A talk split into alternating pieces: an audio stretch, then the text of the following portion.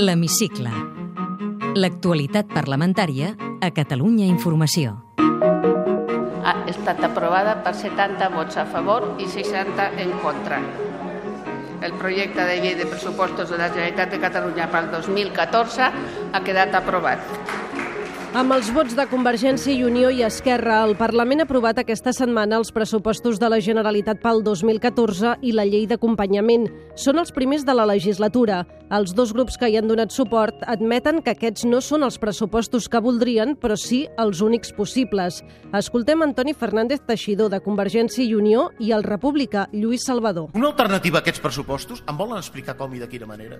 Vostès creuen que la gent no se n'adona que aquest govern treballa amb estris absolutament lligat de peus i mans? No són els pressupostos que el país i la seva gent necessiten, però alhora estem convençuts que són els pressupostos possibles en el marc d'ofec econòmic que viu el nostre país. La resta de grups parlamentaris van criticar la poca transparència dels pressupostos. El socialista Maurici Lucena i José Antonio Coto, del PP, retreuen al govern que no aclareixi com aconseguirà els 2.300 milions d'euros que preveu ingressar en venda de patrimoni i privatitzacions. És molt gruixut, és parlamentàriament, jo diria, no només reprovable, sinó que intolerable. Estem davant d'uns pressupostos fantasma, uns pressupostos que no es compliran, que preveuen ingressos per venda d'actius i concessions per valor de 2.318 milions d'euros, que a dia d'avui no sabem ni com els pensen obtenir. L'oposició també va carregar contra els pressupostos pel seu viatge antisocial. Escoltem l'ecosocialista Joan Herrera i David Fernández de la CUP. Aquest pressupost configura un país més injust, un país més pobre, un país més desigual,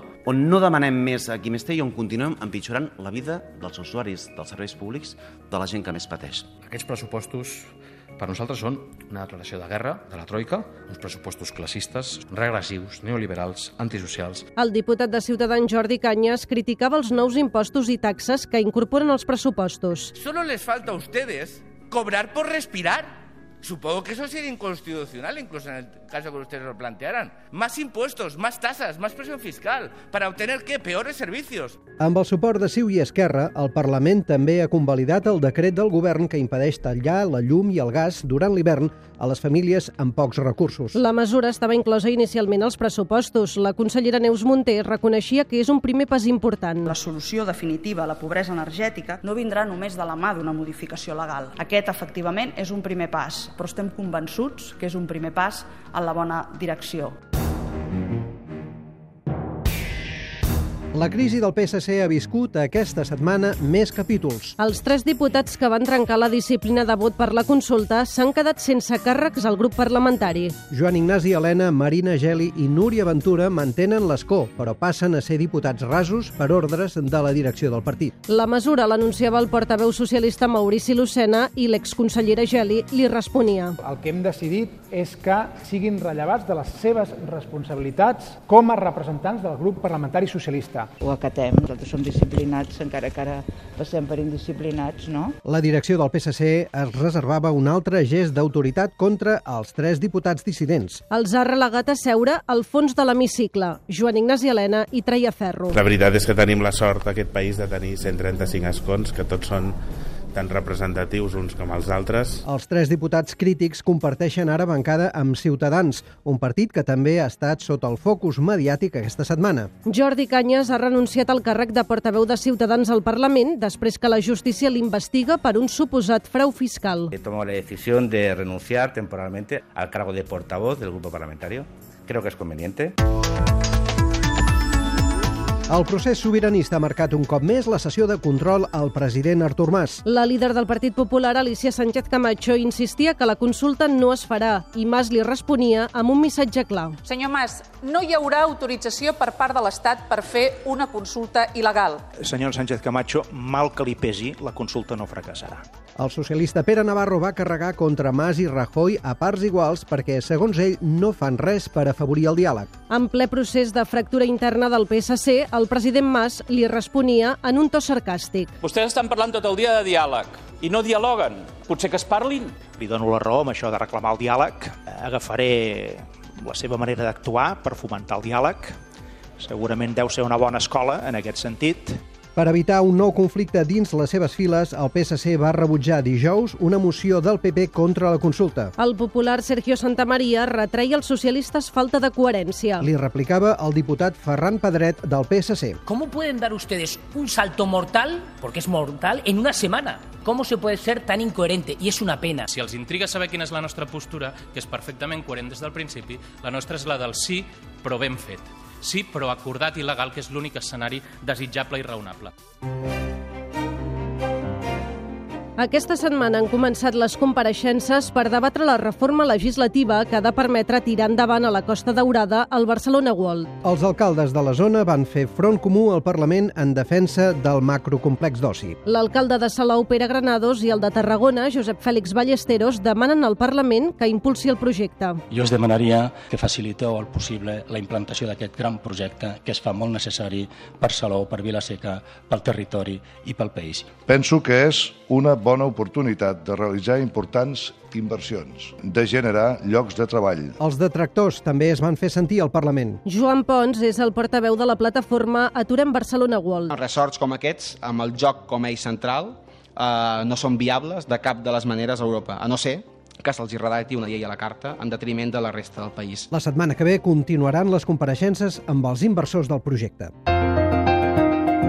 Repassem ara altres notícies en format més breu. La Generalitat posarà en marxa ajudes urgents per parats de llarga durada perquè puguin pagar la hipoteca o el lloguer. Ho anunciava el conseller de Territori, Santi Vila. Una mesura que eh, es tindrà una dotació de 7 milions d'euros i que intuïm que aproximadament podrà fer possible uns 4.000 ajuts preventius. La líder del PP, Alicia Sánchez Camacho, no anirà al Parlament a donar explicacions pel cas Método 3, tot i que està citada per la setmana que ve. La presidenta de la cambra, Núria de Gispert, li demana que s'ho repensi. Ella, que és diputada des de fa molts anys i al mateix temps senadora, eh, no digui que no a una petició del Parlament de Catalunya.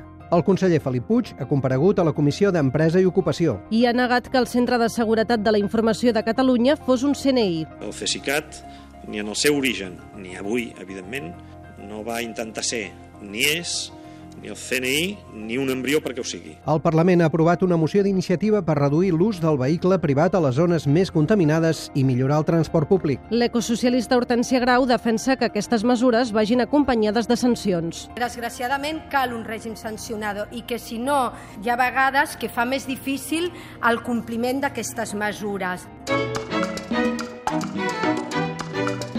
Té la paraula Xavier Dilmé, diputat del grup parlamentari de Convergència i Unió per Girona i regidor de la Bisbal d'Empordà.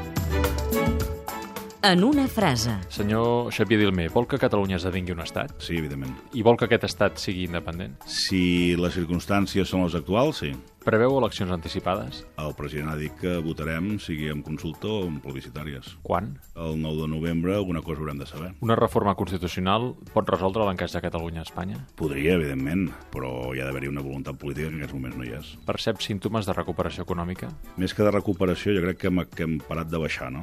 Ha estat mai a la cua de l'atur? Malauradament sí.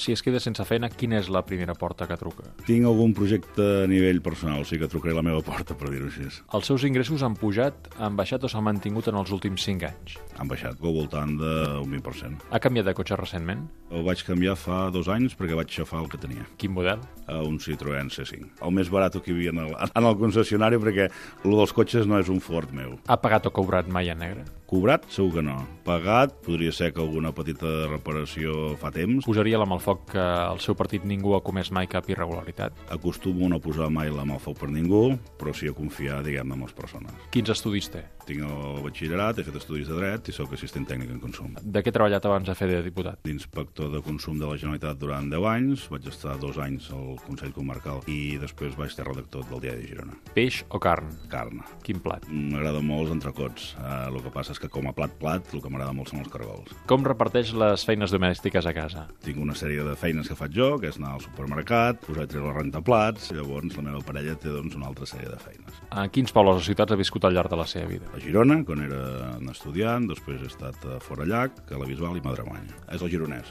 Si tingués una màquina del temps, on viatjaria? a la Roma clàssica. Què pensa de les teràpies alternatives? Mm, Els de respecto, però la veritat és que no els he practicades mai. I si vols que digui la veritat, tampoc hi crec massa. Quina és la cosa que l'omple més a la vida? Estar amb la família i els amics. Creu en l'amor a primera vista? Uh, no, no. Amb quin sex símbol li agradaria compartir una estona? La Mònica Bellucci seria una bona tria. Es considera fan de Soc molt fan del Barça. una mania confessable. Després d'un bon àpat, fumar-me un petit cigar a va. Quan acaba un ple del Parlament, com desconnecta, com torna cap a casa? Desconnecto poc perquè aprofito per fer totes les trucades que tinc pendents de, durant el dia. Senyor Xavier Diona, moltes gràcies. A vosaltres.